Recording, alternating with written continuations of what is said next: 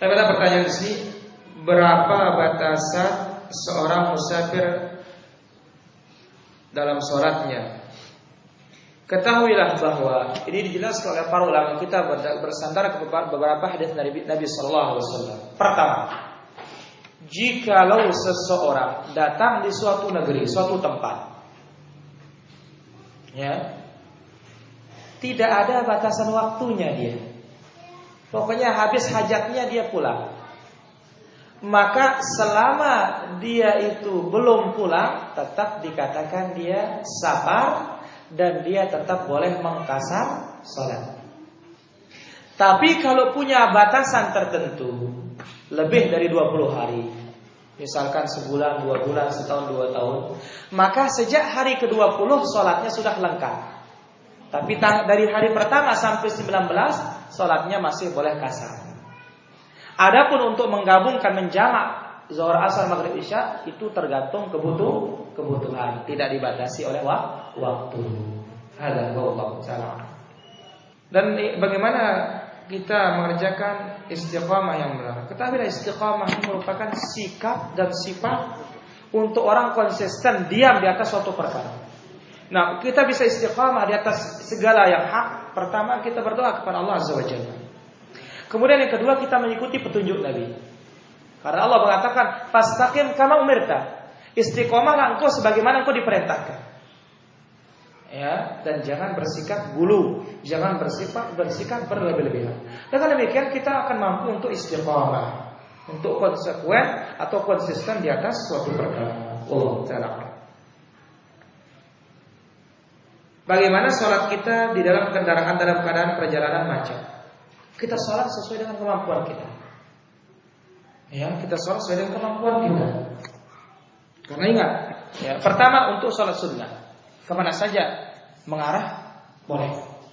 Adapun sholat wajib, kalau kita mampu turun, akan harus turun. Tapi kalau tidak mampu turun, kita sholat di atas kendaraan, kita berusaha mencari kiblat. Toh juga kalau tidak tahu, fattaqullah mastata'tum, bertakwalah kepada Allah semampu kalian. Dan Nabi bersabda, "Ma bainal masyriqi wal maghrib qiblah." Timur dan barat itu merupakan kiblat. Hada Allah taala. Salat jamaah yang kita lakukan itu batasannya berapa kilometer perjalanan. Sudah saya jelaskan, menjamak tidak ada batasannya, tergantung kebutuhan. Orang di kampungnya boleh menjamak. Bagaimana? Dia mau berangkat musafir, zohor, Selesai zuhur dia berangkat. Dia sholat zuhur empat, kamat, sholat asar empat, dia jalan. Atau lagi-laki dia berangkat ke masjid. Tiba-tiba di masjid hujan waktu zuhur. Selesai sholat zuhur masih aja hujan. Dia kamat, dia sholat asar empat. Demikian juga safar. Ya, dia membutuhkan untuk jamak, jamak. Jadi nama menggabungkan dua sholat itu zuhur asar maghrib isya kapan dibutuhkan silahkan. Tapi untuk mengkasar ini jaraknya 6 kilo ke atas atau 15 kilo ke, ke atas. Dan itulah dia, kalau berniat mukim di suatu tempat lebih dari 20 hari, punya berjangka tertentu, sejak hari ke-20 sholatnya sudah leng lengkap. Tidak dua lagi yang empat. Kalau menjamak tergantung kebutuhan, tidak ada ketetapan.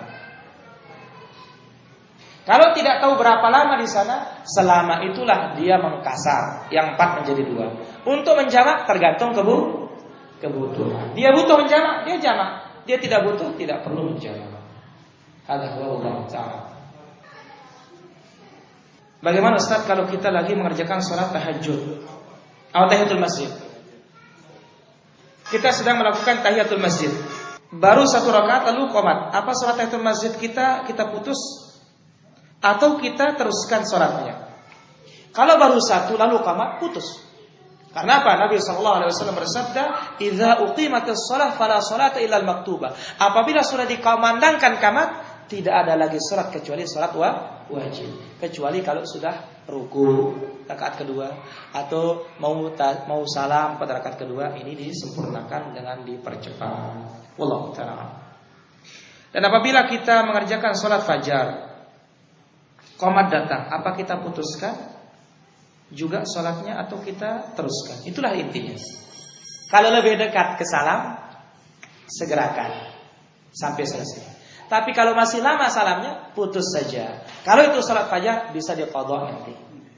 ya setelah salat subuh atau diqada setelah terbit mata matahari. Hada wallahu taala. Demikian sallallahu ala nabiyina Muhammad wa ala alihi wa sahbihi wasallam وآخر دعوانا الحمد لله رب العالمين.